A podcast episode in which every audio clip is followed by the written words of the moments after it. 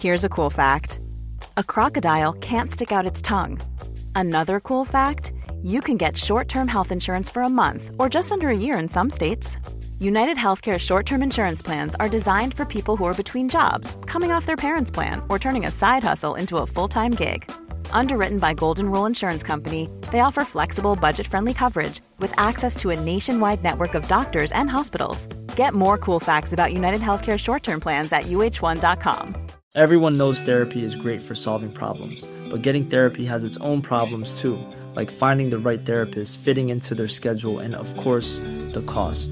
Well, BetterHelp can solve those problems. It's totally online and built around your schedule. It's surprisingly affordable too. Connect with a credentialed therapist by phone, video, or online chat, all from the comfort of your home. Visit betterhelp.com to learn more and save 10% on your first month. That's BetterHelp, H E L P. There's never been a faster or easier way to start your weight loss journey than with PlushCare. PlushCare accepts most insurance plans and gives you online access to board-certified physicians who can prescribe FDA-approved weight loss medications like Wigovi and Zepbound for those who qualify. Take charge of your health and speak with a board-certified physician about a weight loss plan that's right for you. Get started today at plushcare.com slash weight loss. That's plushcare.com slash weight loss. plushcare.com slash weight loss.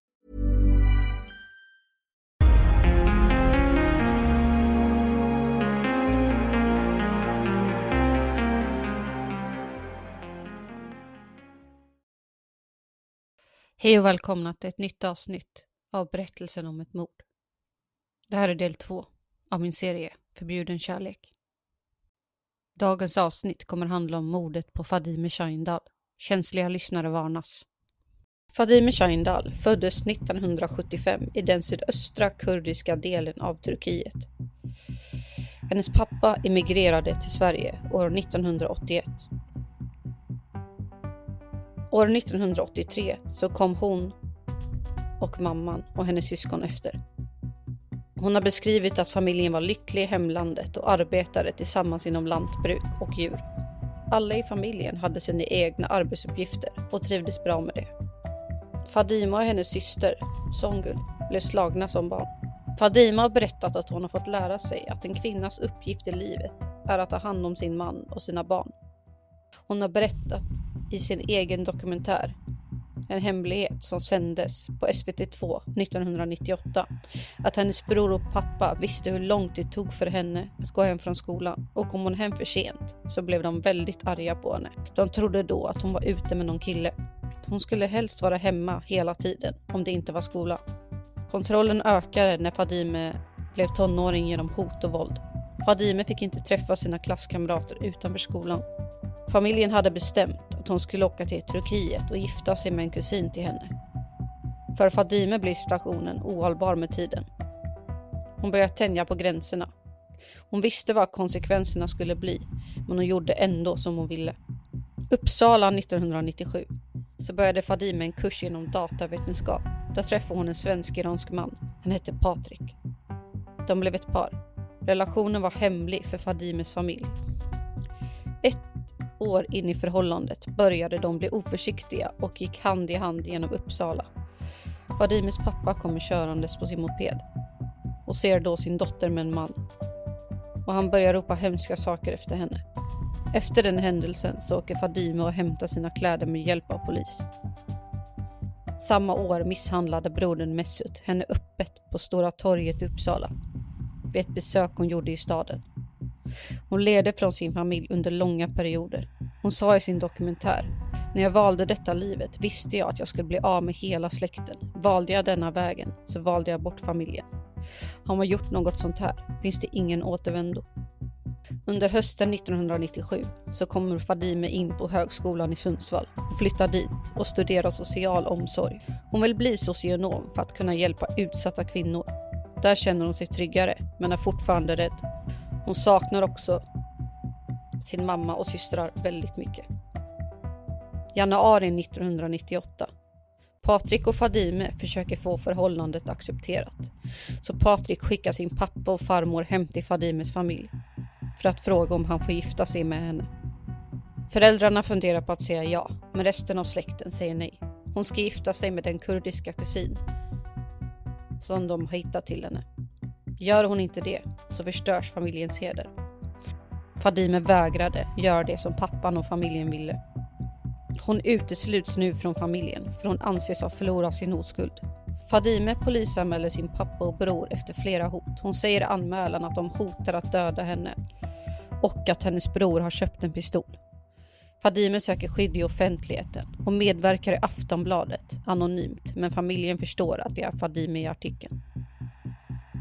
Då börjar de ringa och hota henne. Så då får Fadime ett skyddslarm och ett skyddat boende. Hon börjar framträda i media med namn och bild. Och hennes dokumentär börjar filmas.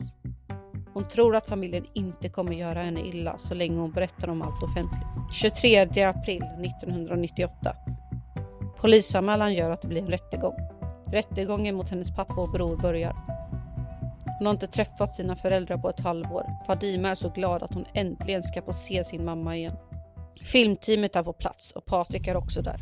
För han var på plats när Fadimes bror misshandlade henne på torget i Uppsala. Patrik säger under sitt vittnesmål att deras förhållande var något som de höll inomhus för att ingen i hennes familj skulle få reda på det. Och de var oftast hemma hos honom och att det var slarvigt av dem att gå ut tillsammans.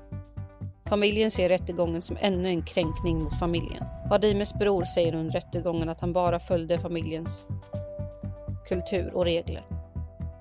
Det blir lunchpaus och Fadimes bror hotar henne till livet framför vittnen. Och en vaktmästare stoppar honom för att hoppa på henne. Hennes bror grips för övergrepp i rättssak efter rättegången är slut.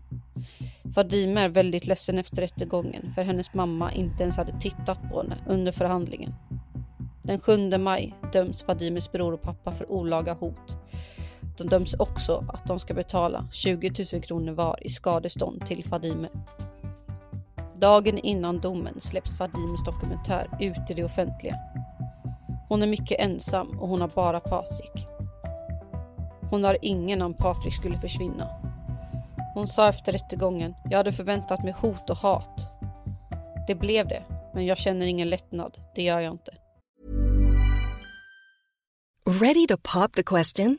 The jewelers at BlueNile.com have got sparkle down to a science with beautiful lab-grown diamonds worthy of your most brilliant moments. Their lab grown diamonds are independently graded and guaranteed identical to natural diamonds, and they're ready to ship to your door. Go to Bluenile.com and use promo code LISTEN to get $50 off your purchase of $500 or more. That's code LISTEN at Bluenile.com for $50 off. Bluenile.com code LISTEN. Burrow's Furniture is built for the way you live. From ensuring easy assembly and disassembly to honoring highly requested new colors for their award winning seating, they always have their customers in mind. Their modular seating is made out of durable materials to last and grow with you. And with Burrow, you always get fast, free shipping. Get up to 60% off during Burrow's Memorial Day sale at burrow.com slash ACAST. That's burrow.com slash ACAST. burrow.com slash ACAST. Fadime och Patrik planerar att flytta ihop i Uppsala. Men den 3 juni 1998 så händer en fruktansvärd olycka. Patrik omkommer i en trafikolycka. Han fick vattenplaning och körde väldigt fort. Olyckan utreddes noga för att se om Fadimes familj var inblandad. Fadime visste att det var en olycka, för hon visste att Patrik älskade att köra fort. Om han till exempel hade blivit skjuten så hade det varit min familj, sa hon. Dagen efter Patriks död träffar Fadimes målsägande beträde henne. Hon mådde väldigt dåligt men hon visste att hon fortfarande ville prata om vad hon har varit med om för att kunna hjälpa andra. En vecka efter Patriks död så möter hon sin bror som har släppts från häktet. Han börjar hoppa på henne och misshandla henne. Några förbipasserande stoppar honom till slut. Brodern döms till fem månaders fängelse och skadestånd för misshandel och övergrepp i rättssak. Fadime bodde kvar i Patriks lägenhet i Uppsala ett tag efter begravningen, men under sensommaren så flyttar hon in hos sin vän riksdagsledamoten Nalin. Fadime börjar nu be sin vän att hjälpa henne så hon skulle få träffa sin mamma och syster. Hon ber om det flera gånger. Så Nalin försöker få Fadimes familj att träffa henne och förlåta henne. Hon träffar hennes mamma och frågar om hon vill träffa hennes dotter, men då sa hon nej, hon är en så dålig flicka. Hennes pappa berättar för Nalin att håller Fadime sig ifrån Uppsala och aldrig mer kommer dit och inte är med i fler tidningar och tv-program så skulle hennes pappa och bror inte röra henne. Kom hon dit så skulle de vara tvungna att döda henne. Målsägande beträdet ville göra så att Fadime skulle få ett stipendium så hon skulle kunna flytta utomlands. Hösten 1999 så flyttar Fadime till Östersund och börjar studera till socionom. Hon börjar kontakta sin mamma och syster i hemlighet för hon saknar dem så mycket. Hon vet hur farligt det är, men hon är villig att ta risken för att få ha kontakt med dem. Hennes bror sa att han kommer döda henne när hon minst anade och hennes dagar var räknade. November 2001 så besöker Fadime riksdagen för att hålla ett tal till nationen. Det är sista gången hon gör ett uttalande offentligt. Då sa hon så här. Hej, mitt namn är Fadime och jag är 25 år gammal. Jag har blivit inbjuden hit idag för att berätta om mina erfarenheter av hur det kan vara att leva som utländsk tjej i Sverige. Med dess lagar, seder och kultur. Hur svårt det är att balansera mellan familjens krav och förväntningar gentemot det svenska samhället som står för helt andra värden och synsätt. Mina föräldrars syn på skolan var att det var bra om jag kunde lära mig läsa och skriva för att bli deras länk ut till det svenska samhället. Detta eftersom de själva var analfabeter. Men några högre studier än så ansåg, ansåg de inte att det behövdes. Man behöver ingen utbildning för att ta hand om man och barn. När jag kom upp i tonåren ville mina föräldrar att jag skulle åka ner till Turkiet och gifta mig med någon av mina kusiner. Men så ändå hände det som inte fick hända. Jag träffade en svensk man. Och han hette Patrik. Och Patrik och jag förälskade oss i varandra. En dag ledde vår oförsiktighet till att vi upptäcktes av min far som självklart exploderade av ilska och började slå på mig och Patrik. Hans reaktion var för mig fullt förståelig. Som far och familjeövid är det hans uppgift att vaka över familjens heder. Han ska värna och skydda de kvinnliga släktingars sexuella uppförande och se till att döttrarnas oskuld är bevarad fram till giftermålet. Ensam och övergiven av familjen blev jag tvungen att snabbt lämna Uppsala för att jag visste att om de fick tag på mig skulle de ta livet av mig. Mina föräldrar spårade upp mig ganska snabbt och fick, och fick reda på var jag befann mig. Min lillebror fick till uppgift att ta livet av mig. Och jag har valt att berätta min historia här för er idag i förhoppning om att det kan hjälpa andra invandrartjejer. Så att inte fler behöver gå igenom det jag har fått göra. Oavsett vilken kulturell bakgrund man har bör det vara en självklarhet för varje ung kvinna att både få ha sin familj och det liv hon önskar sig. Men tyvärr är det ingen självklarhet för många tjejer. Och jag hoppas att inte ni vänder dem ryggen. Och att ni inte blundar för dem. 2002 så är Fadime nästan utbildad socionom. Hon ska göra ett halvårs praktik i Kenya. Hon kan inte åka utan att säga hej då till sin mamma och systrar. Flera i hennes närhet varnar henne för att åka till Uppsala, men hon väljer att åka dit den 21 januari 2002. Hon kommer hem till sin syster och hennes mamma kommer också dit senare. De äter middag ihop och tittar på TV. I klockan 21.45 så bestämmer sig Fadime för att gå hem. De tittar i titthålet och trapphuset är tomt. Då öppnar Fadime dörren. Där står hennes pappa och riktar en pistol mot hennes huvud.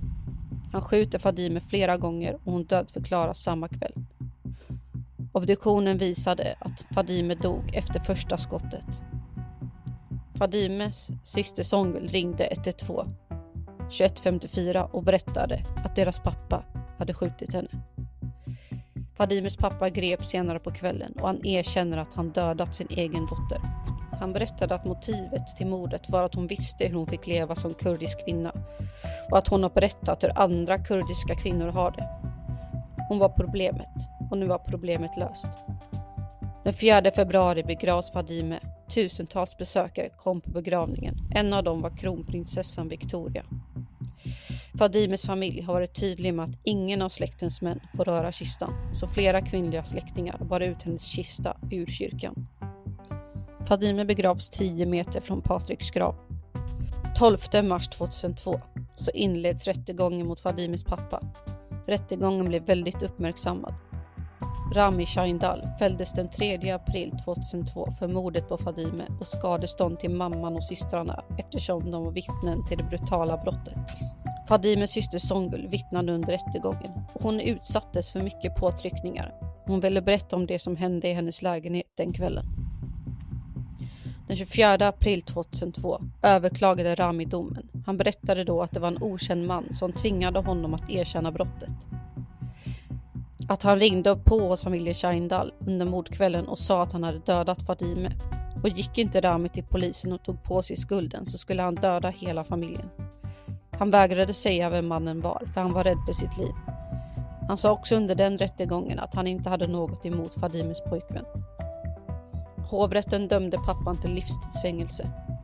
2015 fick Fadimes pappa sitt livstidsstraff omvandlat till 24 års fängelse av Svea hovrätt efter att han hade avtjänat två tredjedelar av straffet.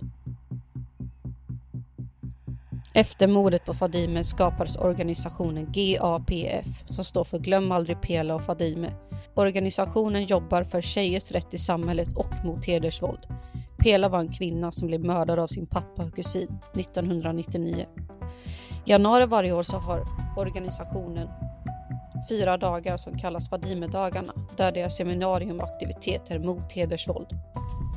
Fadimes bror blev skjuten av polis år 2014 då han viftade med en kniv när han skulle gripas. Och han vägrade släppa den. Polisen agerade i nödvärn. Fadimes syster Songul hittade stöd i sin lägenhet 2014. Det var inte brottsrelaterat. Hon ligger nu begravd bredvid Fadime. Glöm aldrig Pela och Fadime. Tack för att ni har lyssnat.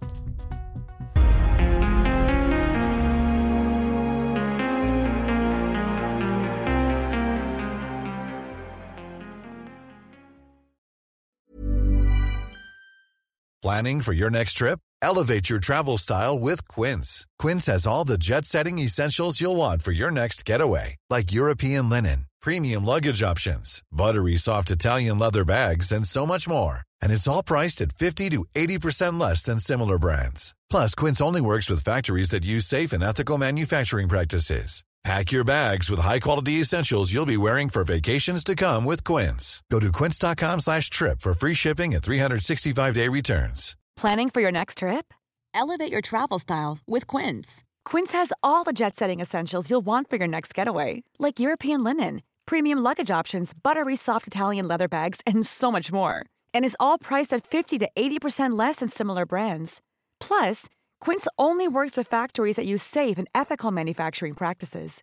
Pack your bags with high-quality essentials you'll be wearing for vacations to come with Quince. Go to quince.com/pack for free shipping and 365-day returns.